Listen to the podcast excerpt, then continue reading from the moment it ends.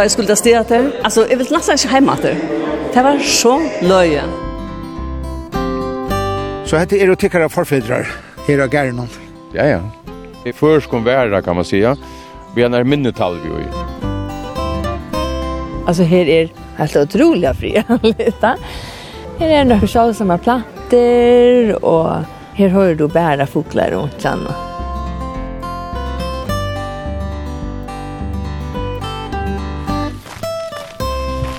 Her er sera frialit, rukt foklaløyv og hakstblettor er halvan annan meter iver vannskorpene. Hette er en ødj som er 6 ferkilometrar til vittar, sambart haktøl noen byggva 24 til folk her. Og til er minni enn 5 minutter at sikla av meiland og ut her. Hette er Odgen Ekholm i Linfjörnen i Danmark, bort utanfor i Aalborg. Nå er 17 parter frutja det, og saman vi øron er jeg kommet her for løt og sujane. Og i morgen, leierdegen, er atterstevna her, og hans største bandagernon, som nå er Gistingarhus. Og til er folk ur Ekholms attene i Fyrjon, og Tan atten stavar hiani av ötne som koma saman til attar stavna. Jeg hørte også om at det var middelen halvt trus og trusfolk som er vi, og nekve av døymon er kjenta og åttenta atterli fra Madame Ekholm som hon var røpt, Armgar Ekholm. Så hette er vi Tore og Tore og atterstavn og Ekholm. Ekholm jeg har gått til, til alt det gamla mynter her.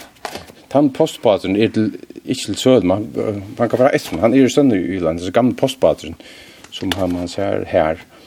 Som sitter i midten. Ja, sitter i midten. Han er, jeg har lagt en uh, innovasjon, altså, han sitter i midten ved postet, fra Norresundby, Men Han er nok lenge, han er sønner i Yland, omstående, parkerar linje og knugger her. Det er stendig kom og Så det er, det så det kommer etter om de er interesserade her å få han til løytene.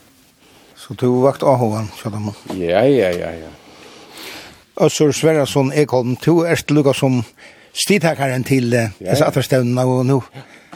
Jeg du er bor her, så ikke. Her er som et eller annet, da du leer enda verden som vi kordet fram i, da vi kom nyan. Ja. ja. Det er Petja Køyra fra, ikke, ikke fra stønne, men fra ferglevene, det er en liten ferga som sykler i rom. Yes, ja. Vi ferga kan vi i natt, Ja, ja, vi tar på boja etter, og vi tar om man at uh, vi ikke Ekholm brygger rui nu i eisne. Tar brygger øl og alt det. Det er en særlig Ekholm smak. Nå er det frutja dagur i dag, og ja. den store dagur er i morgen, leirdagen er nek kommen. Er til? Ja, ja, vi er fyraltrus folk. Hvis jeg ikke eier Ekholm selv, så er det ganske en uh, om lappe loksjår som eier Ekholm. Hon sjolv armgær, Madame Ekholm, hon som er prestadøtter, må gomma til Nølsja Paul. Og må gomma til flere tøyande personer, ja. Så jo, jo, hon hei beinen nøsne, hon var respektera, høgst respektera i havnene. Og, men hon er ikke sjálf i øyden, at jeg. Det var så ringt å komme her til, altså. Det bor i København, jeg byrja vi, og flottet seg til fyrir. Det var Svea pappi Armgar som er født her, Men han var han flott till, till Oldborg, Bondalövet, det var ikke akkurat han. Så han blev hattamäkare i stedet för. Och så har gjort det samme. Och det är han som blev gift ved Armgar.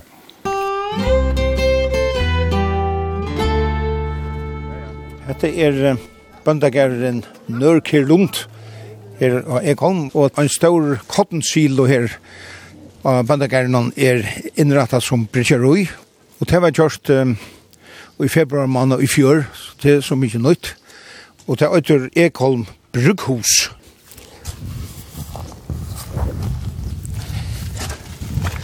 Største delen af det korn, hvor det, det avler på vores egen marker, og så bliver det maltet.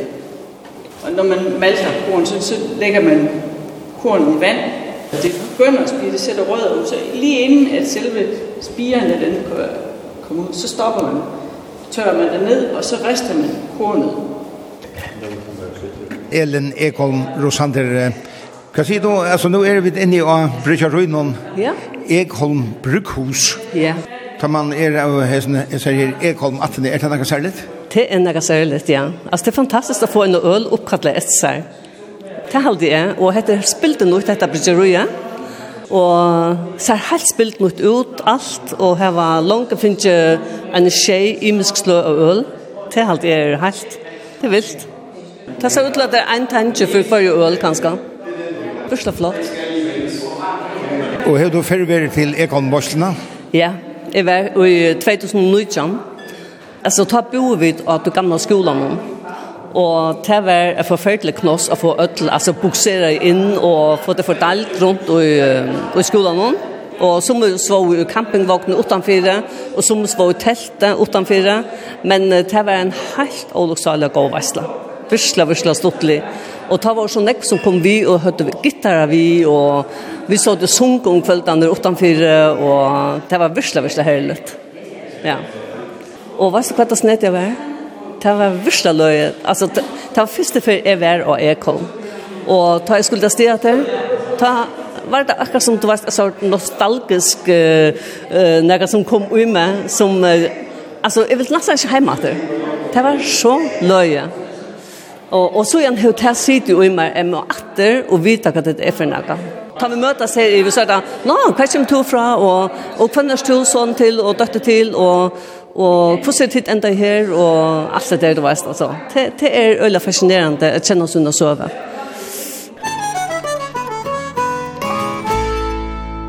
Øssur Sverresson Ekholm, ja. det er en attarstevna. Det er en attarstevna, attarmåt, sier onkur, ja. Og det er, det er sått litt allukavalt, vi er jo alle familie, selv om vi ikke kjenner hver vet, altså. Ja Det er trymningar, fermningar, femningar og jeg vet ikke hva det eiter, alt langere ute. Men det er stått til å møtes, for alt rus folk. Og nå er alle kommet, så det er fantastisk. Det er flest ur fyrjon? Det er flest ur fyrjon, ja. Og til det var en attertalv, er det pappen som gjør henne? Ja, ja, det er Sverre pappen, Sverre Ekallen som gjør det henne, en attertalv i Sunnartøy. Og, og det er øyelig godt at kunne, eller slå opp i det her bøkene, en stor atterbøk, Så det tre fer til samlast. Det tre fer og sista fer halt i ett år så jag vi mer som som fyrskipare. Ja. så det var det var också andre som tänker stafetten över at när med 2011 2019 og så 2023. Ja. Men det er sen där i EU om det för rikka, och det er nok, vi at det eller kan det bli økonomisk et tap hvis man hvis man ikke er ferdig, hvis man bare finner tre til vil, också så det ikke mål, mal med rundt, men nei, vi blir jo, att här är akkurat EU-skåd, som så så för det har gått ända mal här i och Ekholm.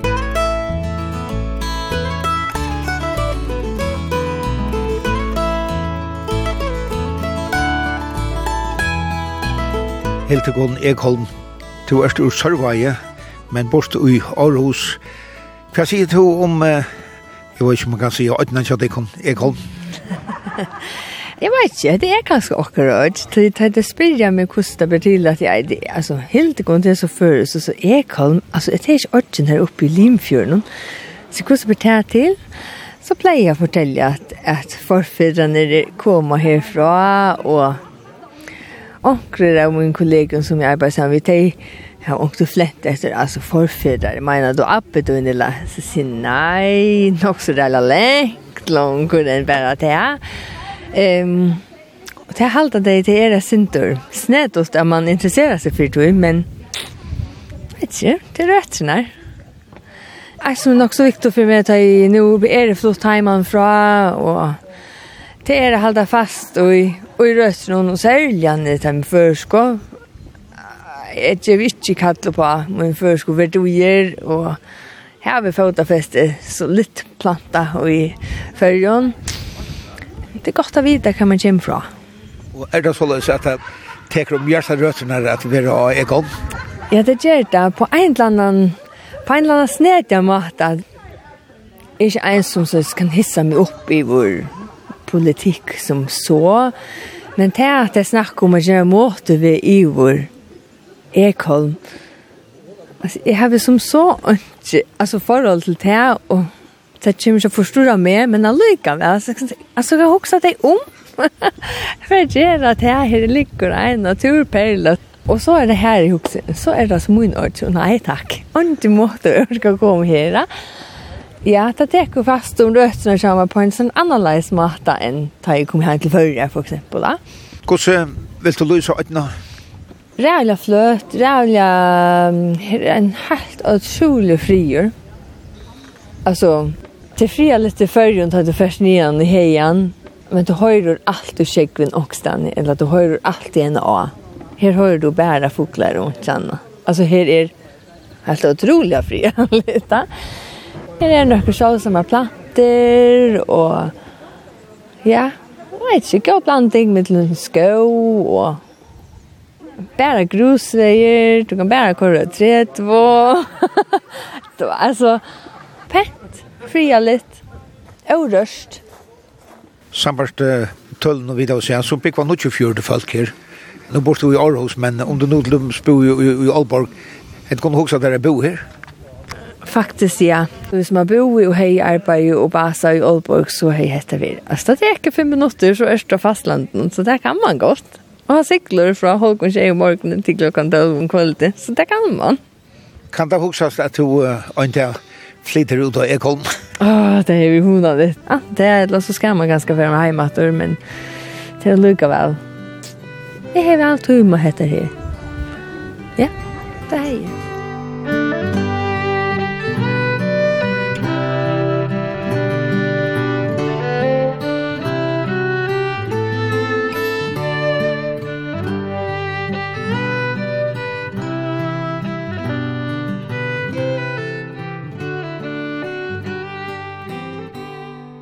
Nu er leier morgon, og hette er den store daveren av Attarstøvnene. Og i kveld verur Attar Vorsland, og hon verur òsni her av Ekholm Vestergaard, gamla bøndagæren, og her vid Bekva, og vid just hava finnst jo morgon med at, men fyrsta skroni i morgon er ein spennande gongeturur vi Espen Bukk, som er nottur og veløyere ur Aalborg. Han hever særlig en ahua fyrir hese ødne Ekholm. Ekholm og vi skulle samlast her ute i Gæren og vi færd til Gongo. Vi nævner meget, meget ofte Øsur og Færøerne her på Eholm. Det siger sig selv, når der er turister, der spørger ind til Øsurs Varde og hele den her underlige historie bagved, ikke også? Det var bogfinken når vi går ind i underskoven, så begynder de her advarselskald, og hvis der kommer et lavtryk ind ud fra gyldbredning her ind igennem Vejlegård skov, pludselig så slår bogfinken over i regnkaldet. Den begynder at sidde og sige, det har I sikkert hørt, tror jeg. I stedet for at sige det, den siger, så siger den altså kalder til regn, den bliver i virkeligheden påvirket af det tryk, der forandrer sig inde i skoven. Så man kan bruge fuglestemmer til mangt og meget. Esben Buk, hvad specielt er der ved Egon-øen? Det er jo specielt at have 1100 tønder land, uberørt natur, så tæt på en stor by. Altså, der er godt nok en kommunevej, der er godt nok 50 beboere herovre, men at have sådan en stor, grøn naturlunge så tæt på storbyen Aalborg, det er det specielle faktisk, fordi det er der ikke mange øh, store byer, der har. Bare 5 minutter med færgen fra Aalborg, så er man herovre på Eholm kommet i en helt anden verden, hvor der er fred og ro, og hvor der er masser af natur. Jeg forstår, at der er stort fugleliv for eksempel. Der er et meget rigt fugleliv. Altså hele året rundt kommer der jo trækfugle forbi, specielt forår og, og efterår. Der er jo gigantiske flokke af jejler for eksempel og viber. Der er øh, en meget stor andel af verdens øh, bestanden af lysbrud knortegæs.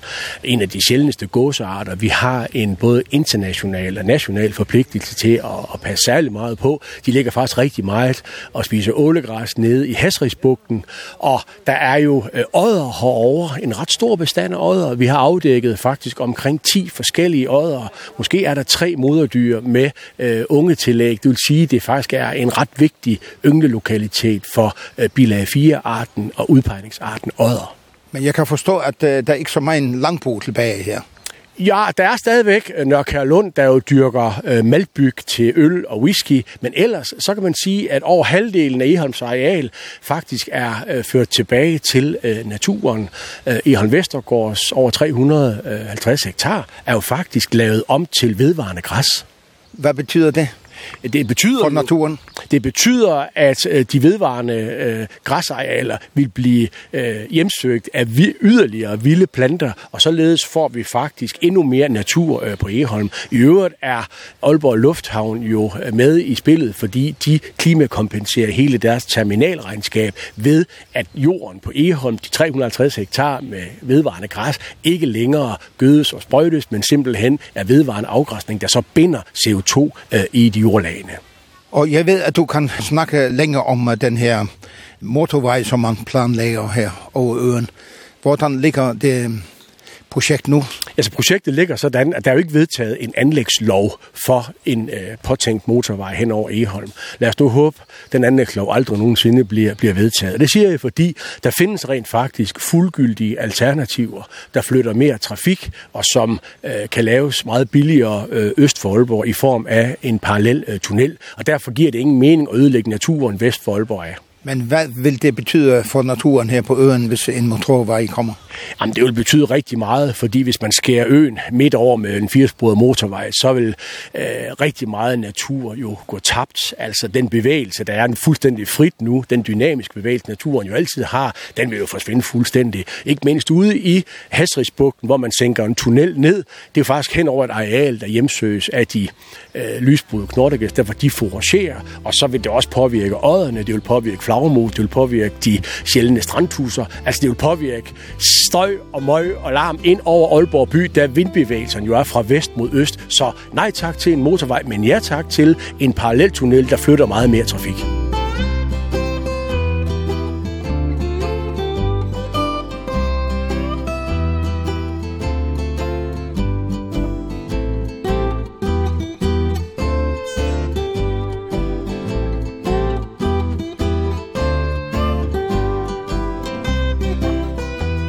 Katrin Ekholm Karlsen, du bort uh, i Karlslunde, Sunnafyrir, Kjepmanhavn. Hva sier du om uh, Øytna Ekholm? Jeg halte det helt fantastisk at her var et sted her man kan komme atter og merke hvordan um, hver røtene tja, kommer fra. Det er um, det er helt særlig. Nek kjenner bare til kanskje ommer og appar, og kanskje hvis det er helt i lenkommer. Og her har vi faktisk en, en art som gonger helt etter til 1500-tallet. Og det er ikke helt særlig. Ja, så hvordan er det særlig? Det rører med altså helt ned i, i bøtjen, helt inn i hjertet og beinagrunden. Det, det gjør omkring rå og salene. Og det ringte sitt år av til Sjålan kjenner man ikke de som har bo her, som har byrjat det hele. Men det er på enkla måte som å komme hjem. Her vet jeg hvordan vi er satt og kjent li eh, sammen. Eh, og vanlig så kjenner man et eller annet siste bød, eh, særlig her i Danmark. Og nå eh, var vi en spennende tur eh, fyrre parten. Eh, Hva sitter du etter vi om åttene? Ja bara ta at hetta er er så unikt eh at det er verst at kjempa fyra og i mån til at det atlas er en stor motorveg eh i øtna og leggja alt mövligt det er verst at kjempa fyra så jeg håper at han kan ropa några politiker upp och så må vi hjelpa så gott vi kunde. Hur så att du har hjelpa till? Ja men att sälja uh, milar att dela uh, informationer uh, ut till andra.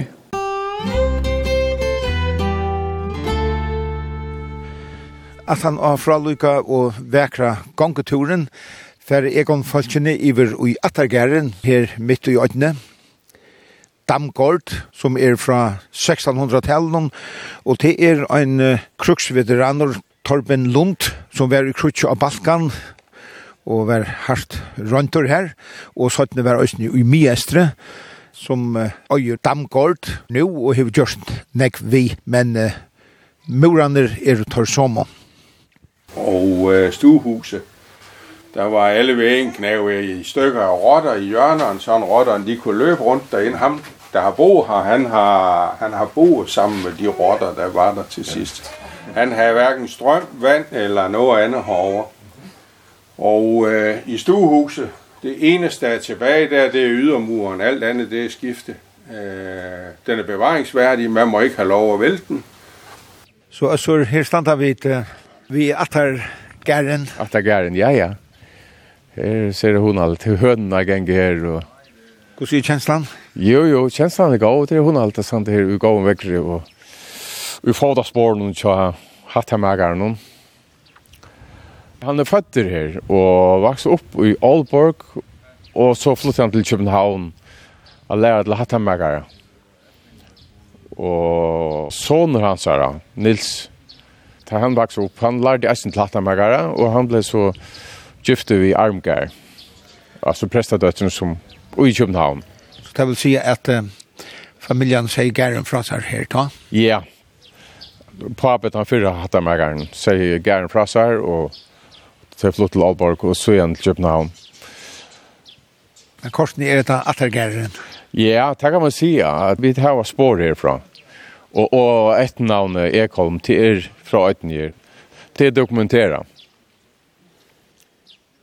Hetse Mauren som uh, grøt jeg kom fra, ja. som uh, kjøpte gæren, altså han har gjort om umetallig jeg. Ja, Torben Lund, kruksveteraner, han uh, fikk fri i salene her ute, Og begynte jeg å bygge gæren opp uh, fra Nudjon. Så her, han gjør det største arbeid, og, og han dodde vel å få vinner i Alpas her. Men det skilte at han hevde nek virksom i her, middelen av det. Ja, ja, han uh, skipar fire nekvun, turun, altså uh, kruksveteraner som kom her, uh, få fri, honasar her, bøtt med krabba meine, og vi familjon som kom her, Så det er fria litt, det man måste säga. Så pappa din Sverre Ekholm som upprunaliga Lucas som tog sti till uh, allt det här sambandet vi Ekholm ja. och alla är så här. Han kom ja. anka till här. Nej, han kom anka till här och, och han han fyrräka jag synte. Men uh, nådde ikke mer enn här så får han frågan. Hva fyrir dere? Ja, han fikk sendt noen, noen mynter fra lokalarkiven her i Aalborg og, og fikk sendt uh, mindre av postbaten og, og så pratet vi med om det her. Jeg, jeg bor i Danmark da. Så helt inn, men så måtte jeg ferdigere og kvitta, og han får i 2001, og vi hørte jeg da visst første varselen i 2011. Hette jeg så tre i ferie, ja.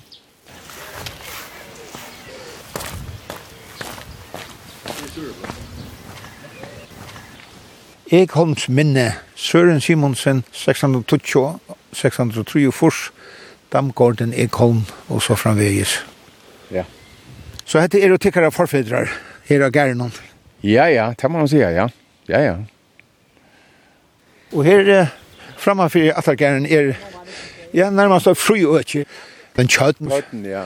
Og Øssur Sverresson Ekholm, her er så væren som du leer i. Ja, börja i 2012 så smått vi har gjort fundamentet och få grive ner och få kvar sant och några tons av sant för att få det stabilisera. Och väntan kommer vi gråte. Och så får jag bara å lea. Så heter gråt här alltså? Ja, det gråt allt här, her här här bra. Och så har vi uh, sett hjälpbröder ner alla rundt om Det ska uimynda det förska hjältberötena som, som har hjälpt på en kramata som är en lagt noe orsteisne.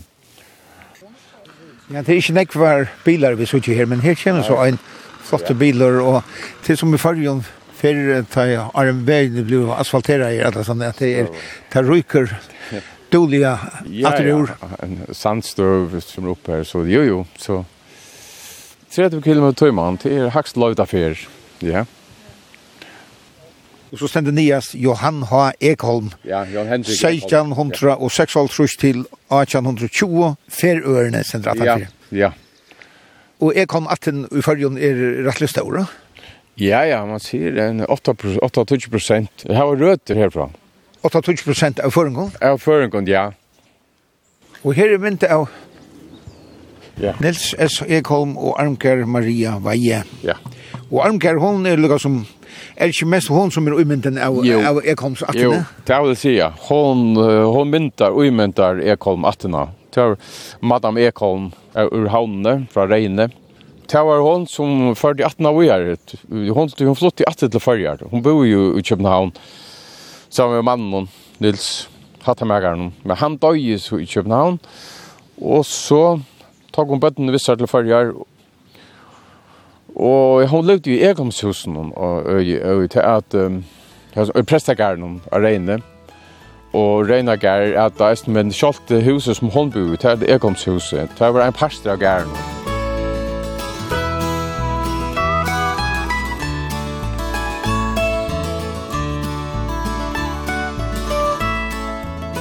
Eirik Kursone Danielsen ur Havn.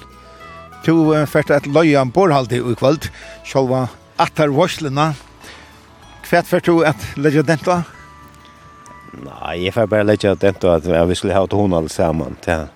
Vi er ikke sånn ek, vi er bare halvtrus folk, fyr halvtrus, ja, her alai. Så hokser jeg at, at det er ikke stått til å vite hver er familie hver, det er det som, som vi finner det av etter hånden, ja.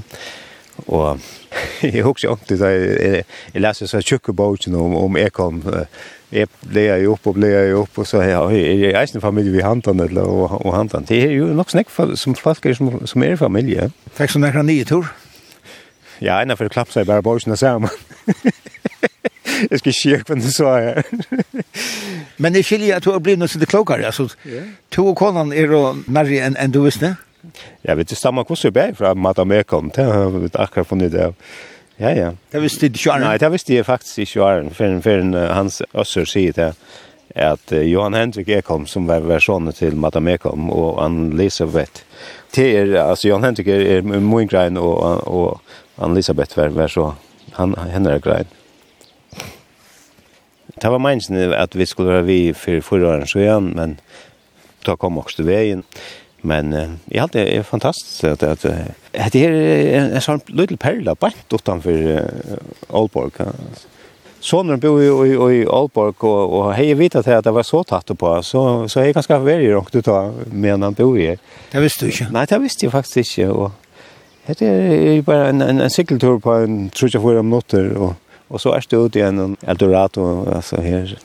Och och inte nästa större inne tror jag, alltså. Är vojar. Hon hon är inte särskilt hög. Hon är bara halva halva annan meter hög här som hon högst. Men det är vittla vad det. Jag little guller. Ja, till och, och gravor fåglar stått från. Han har inte för. Han säger att en Espen Bok eh naturvägledaren Han fortalte i morgon, og han säger til at det var av de 400 folkene som er i Danmark, er 200 av dem nere i Ekholm. Det är ju fantastiskt.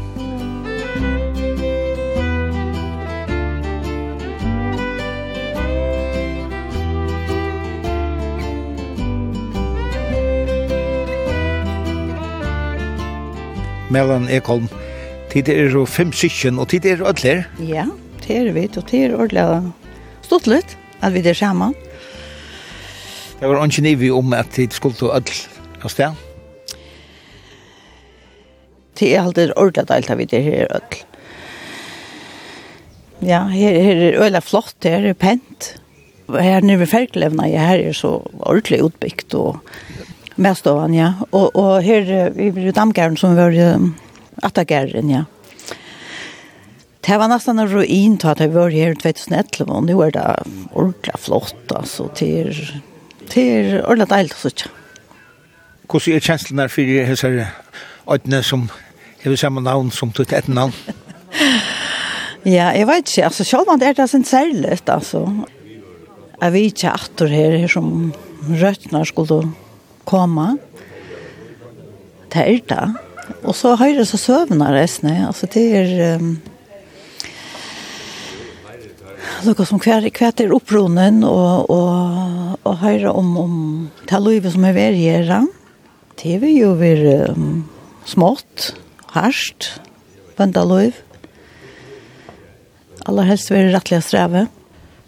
Og så kommer man her og hytter ånder som man vil se og, og, og i havn og i fargen og, og, og så det snart. Og så, og så ja, er tid det snakk om. Det er ordentlig stått litt, og det som å få få tar vinklarna vi ästna lucka som hur ser vi ut familje och och och höra när om tar lov och och tar farfetrar och få ett ett pusselspel på plats eller så där ja. Och skilja pappen Sverre Ekholm var han som byrjade ju i sånne sambanden vi, vi ötna, men han upplevde så ikke ötna selv. Nei, det var det. Det var øyla kjelt, ja. Det, det Jack Hone, han var øyla opptidsen av attergransking. Ja alt det er minnest, og har skriva nyer, og, og spurte, og, og alt dette forskjellige. Men, og han snackade om hese her Øtne Ekholm, og ja, Og han ble vi at oss om at vi skulle fære ut av, av, av Ekholm og Tøy. Men um, det ble så stilt da. Han nådde ikke at uh, jeg kom her ut. Så jeg halte det var året etter at han uh, døye at vi før vi syskene var ødelig ut her. Og mamma. Ta var det at lukka som at han eh, avgjør med tidsen at vi skulle røyne at gjøre sin mer vi etter her og, og så bare. Han er jo så tidsen lukka som tidsen til å passe. Og jeg halte til at han har gjort det alt så godt. Men var det sånn der kjensleborg jeg kom her først før? Ja, til alt. Ja, og jeg halte eisen nå her, hesferner, altså, vet du, så tre ferner jeg er her. Jeg halte han er, han er, han er, han er, han er, han er, han er, Til helt sikkert, er, han er, han han er,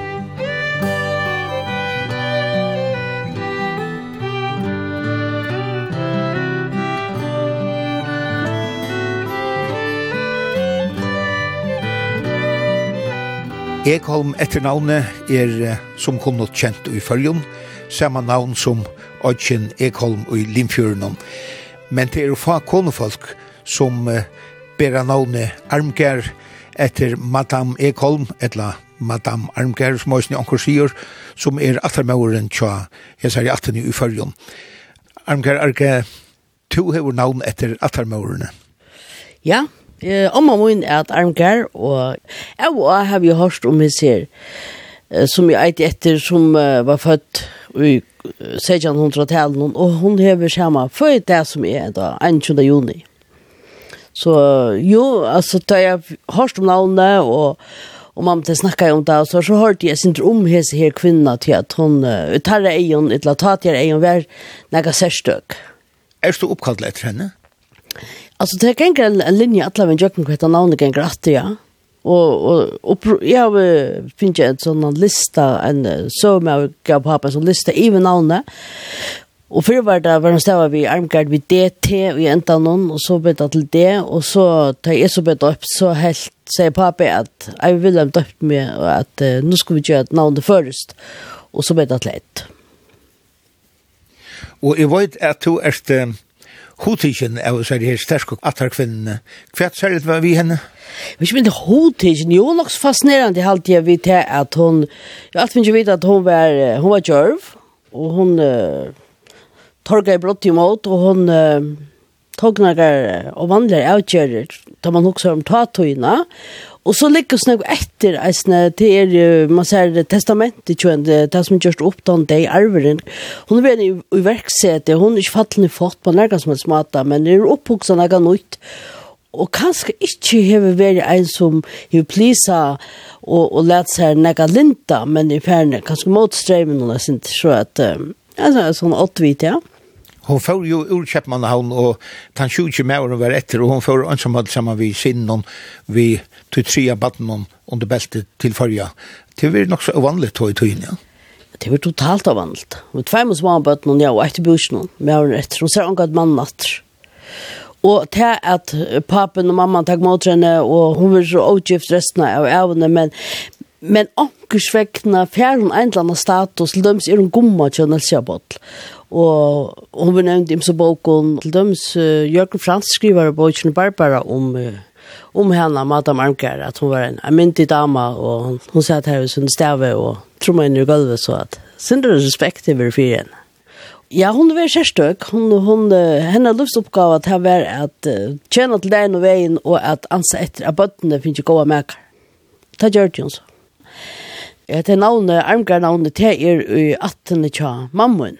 Men uh, så er jeg så arva en mynd av henne, og til hon alltid hinge heck öll så är ni ju mina omme som är uppkallade efter och snå här ena och Och så då Sverige jag kom till ju den samma familjen, han tog sig önek om manna och tär smycknar som hon hej här. Och ut från henne stävar så, alltså Hammersheim, atten. Och tär smycknar och forskjell, tär, tär sig i Hammersheim, atten, så Sverige, kom alltid i Danmark och hon vet inte mystiska. Men alltså tell att att blå hon skild fra mannen hatta mäkaren? Nej, inte det, nej. Hon hon färdle för jag kanske eh das uh, man menar han kanske blir nu hur vi jokra allvarliga sjuka och det har haft till dig och vägen och hon blir uh, desperat. Och texten där står out here att i färre vi måste bara något tema här vanna alla framtid och så för att börja. Det är nog tann och sjön Han dør ensamallner. Og hvordan er det er navnet Armkær kommer hvor er mittlen tunnar etterkommere? Jeg har en siste barn, hun heter Armkær, og hun fikk navnet Armkær til at uh, hun er født helt stort at at han omvann til åkken døg. Uh, nei, jeg er Jeg er nekker omkjente, det her er ikke oppkattet her. Til eisen i ordan, man skal ikke føle navnet så personligt, man skal ikke føle at det er som et krav at man oppgatter. Men eh, en av rekke vi har sin ilt av oss ned, som er bare baden og lagt noen, så hun ringte jeg den til morgen for en fem år siden og sier til at hun er finnet noe så fantastiske er, og hun er et mer, hun er et arm gær. Så, så til er det ok. Så du er så oppgattet? simpelthen. Og hun sier når jeg er nere, ferdig, rikker vi av lompen og rører ask og, og går ved lompen, så tilfunnet. Magnus Heinarsson. Han var uh, han er uh, jeg kom ut nå i Len fra Danmarks konge, kong Fredrik den 3, alt det der. Og han er, han er han er nå i Len og i 8 år, til han så ble uh, saksøkter og, og ble holdsøkter i København. Her han fikk oppreisen at han var. Det var ikke rett færre fram. Men han har et ny len og et år, og jeg kom. Og det er rettest han og jeg kom. Han var, han var ikke så, så bløyer alltid. Han var en herremøver, så som kravde skatt inn i Ekholm, som en lensmauer skal gjøre. Så han var den første føringen av Ekholm, det var i 1548. Og Sør sånn Ekholm, Hva ble så alt sammen trim om bøtten og tja Madame Egon? Det var altså Jan Hendrik, han var den eldste. Og så Anna Elisabeth var så, så, ja, systeren. Og så var Samuel Ekholm, det var så den yngste soneren. Så det var, det var tru. Og det, altså Jan Hendrik, han fikk gæren i Kvalvik, altså han ble gifte vi ønskjene av gæren i Kvalvik. Og det fikk fyra bøtten, Altså, vi ser her første första vi Anne Elisabeth Jensdatter og så fyra barn vi är gifte vi Annika Hedevik Djurhus. Så har vi åtta barn i alt. Og som man så kan nevna systrarna Anne Elisabeth, det syster Jan Hendrik. Om jag ble gifte Jens Venningsted, skipare, og i Havn, ja. Og hon fekk eina døtter, det var så til Og jeg Jens, han døg best 38 år gammal. Men det finnes så, hvis jeg heter døttrene, Kristina, at hun. Ja, hun fikk så et, jeg bad den utenfor tjona band, vi, vi kommandant Løpner av Skansanen. Og han ville ikke kjenne oss vi i færskapen, men uh, badene ble så oppfostret, tja henne, tja ommene. Ja og, og altså, han kom så etter Jens Venningsted etter at papen døg. Og han var skrattare og politikare og vel avhilden i, i havnene. Og han ble gift over mer vinter, og de finner fyra bøtten sammen. Her er kan se Jan Hendrik Winter Poulsen fra Åraborgsene, at han var åldre abbason i Jens Venningsted. Ja, så den yngste, han var Samal, han var den yngste, Tja Armgern. og han han var på vi står med över han åtte skip samman vi skipar Hansen. Og med det gikk ikke så väl i fiskskap någon. Och Samuel gick bort vid skip noen. Nøkker var at han var. Han ble gift vi Helene Kristine Lund. Og det fikk sonen Nils Ulrik og døtrene Armgar Marie Ekholm. Og Armgar hon giftes vi Jørgen Frans Hammersheim. Och sonen Tarra gjordes vid Hammersheim han blev ju som sagt öll känna vi och Hammersheim. Och du har en tjocka bok om Ekholm Atna och ja, ja. har du granskat den väl? Ja, alltså till tryget här fast spyrja så får man att läsa. Så så hick man ju jag någon och man kan uh, fortälja folk ju akkurst. Och alla Ekholmar är undan Nils Peter och Janus Ekholm. Det var alltså armkaver om att Nils Peter och Janus Ekholm. Mm Og tær er uh, atfetrar til ödlevi etternavn Ekholm. Og, men det er jo ikke så øyelig enn som heter Ekholm til etternavn, men det er stadigvæk 20% av ödlun føringen som er mer eller mindre hava attar, attar bond uh, av Ekholm og øttene. Jeg er i åttende li, det vil si, og trutja for en typ alder om baden, tja, madam Ekholm. Elin Ekholm Rosander. Nå fer Ekholm atvarstevnan at hadla. Førjan sitter du etter vi? Ja, hva sitter jeg etter vi? Altså, jeg halte til at hvis man hikker inn i søvnene og hikker jeg sitter nærre etter hvordan og um, de har livet uh, tar man leser om alle søvnene så ser man alt det her om uh, hvordan boskaper og makt hava hins saman. Hvordan og til mennene, det var totalt patriarki, og til mennene var lukka som forherligere, og kvinnerne var lukka som ikke nega særlig. Og hvis man hikker etter Papa Armgar, han var prester og han var um, kapellaner og sora.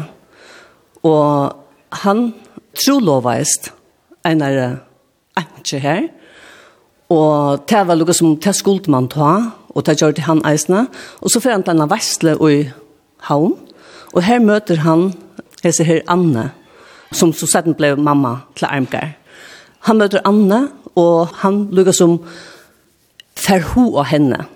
Og tannhoen er så sterske at de, hva søvann sier, har vært sammen, og han blir så nødt til å gifte seg ved henne. Men det som søknen så sier til er at han blev gantaver til at heva hoen åna. Til å si at, at man har ikke man har ikke nekan idé om biologi ta.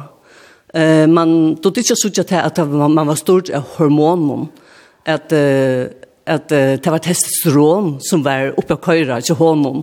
Så det är så han blev gantaver. Och det var eisen framlagt att synte som att att det faktiskt är hennes skild tog hon kvinna at, at han fettler for henne. Og så les er det ofte, da man leser om søvnene, ta og i togene, ja, at kvinnan var lukket som tann som lokka i mannen. Og eh, settene ser man eisende armgar, altså på hva for rolle hun som har haft mennene, tar fikk lov til å gå i skola, da tar kom jo en viss alder, så kom det alle to i skola. Og det var prester som underviste. Så alt handla i ølene og snusen om religion. Og mye mennene følte seg fram, og, og det ofte var konen som åtte pengene. Det var hun som hei, fikk noe i kvittet medgift av danskolen. Så eh, var det han som lukket som stod ut i Øtlån, eh, selv om det var hun som åtte pengene.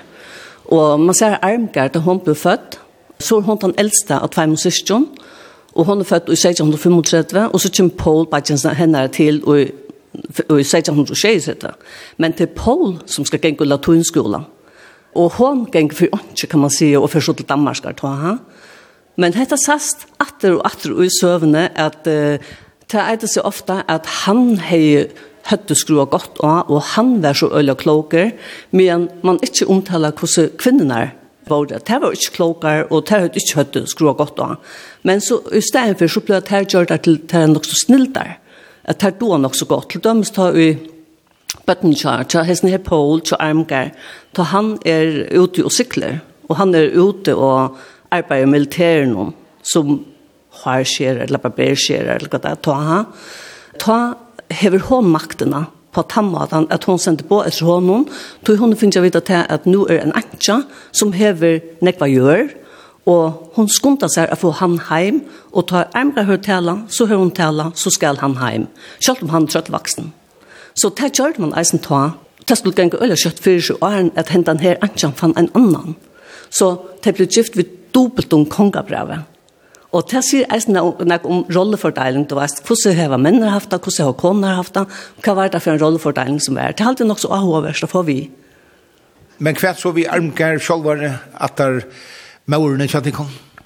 Altså, jeg halte Armgar har vært stersk på sånn vis. Tog at hun fer jo til Danmarskar, ble ung og møter en mann som er 12 år eldre enn hun. Og hon fornyer uh, i en tøy hver ut som han er skiten og tviten og, og omstående er øyla vanlige tjatamon. Det får så en uibo av byggvåi, hon og hans nere, eh, Mavren Jonah og det får tro det får två bøten faktisk. men han klarar inte ordentlig å forsyrja dem det hotlar i jøkkenen. Og så blir han av sin sjuke med en tjona och så kommer hon hem åter och mävren söker om å komme vi hem men han får avslag på å komme hem tog at uh, han täpplever lukka som vurdera at han ikke kan forsyrke første armgar eller bøtt noen, og så slipper han altså ikke hem vi Så det var ikke bruk for hattamakere i følgen? Det var nemlig ikke bruk for hattamakere i følgen, nei. Jeg halte til at hun har sikkert skrivet uttrykk for over pappasønnen, at hun gjerne ville vekk ur hesten her tjonabanden. Og så kommer hun hjem alene, vid fem bøtten, og er på veien vid trea. Og det halte er nok så størst to, at det var da nekva kvinner som ikke dotte, eller vilte, eller torte. Men hun har altså tidsk konsekvenser, men, men så kan man eisen venta du om og sier hun har sikkert haft råd til å ta konsekvensen, tog det var så vel för boskaparlige hjemme i følgen. Så tilsatt, men jeg er nok så av henne tog at hon um, hon tog reie selv. Og det halt är er godt. En god fyrmynd for nekva æra kvinner.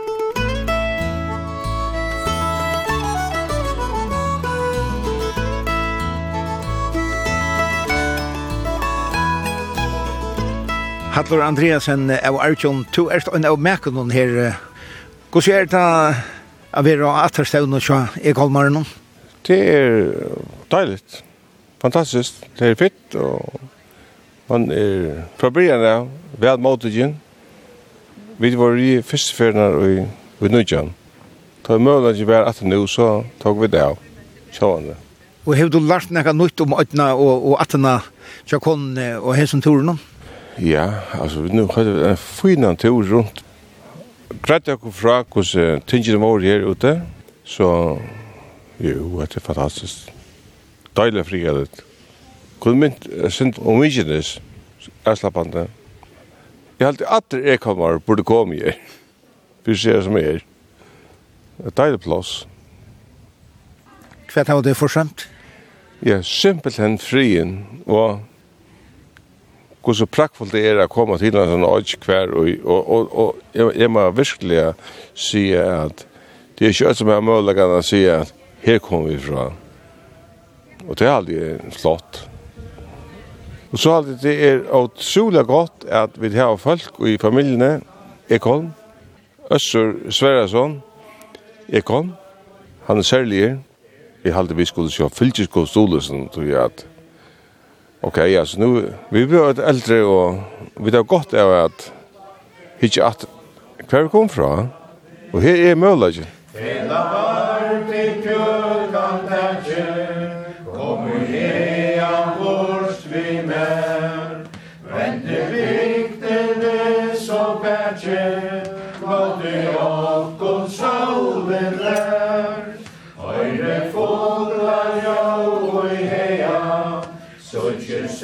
Nu är det nu som känslor som senast.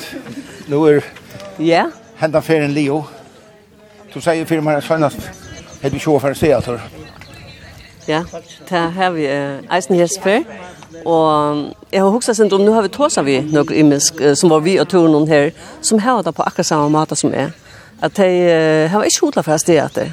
Og det har vi noe vi heter her urgamla som er ujokon, og det har noe vi at vi er ekolmarer, og jeg kommer til så øyelig at dominerende.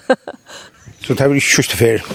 Hetta skulle være sørste fer, men det er så øyelig som har henvendt seg til uh, Moen og sikkert eisen til Østfjord kanskje, som uh, sier at hetta må ikke være sørste fer. til må gjøre en tur og trett.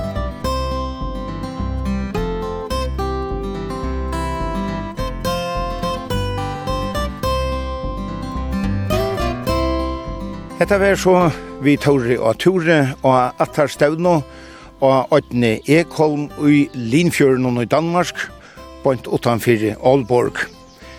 Her har Attar folk vært saman hetta vikeskiftet, og jeg halte at de er ødel vel nøgt, og nekva av dem å si at de atlaser Attor om det er fire kjipa Attor. Hesen turen er Attor at høyra i utvartnån, torsdag klokkan 11 og leierdag klokkan 4, og det ber øsne til at lusta og heimasynet kja kringvartlån skriva kvf.fo framskak tt. Og turen er ans og hiner øsne som podvarp. Vi tåri og tåri hever sujo av Facebook, og her ber til middelandet at suja mynter fra hesom turen. Takk fyrir hesafer, vi høyrast attor om øyna viko.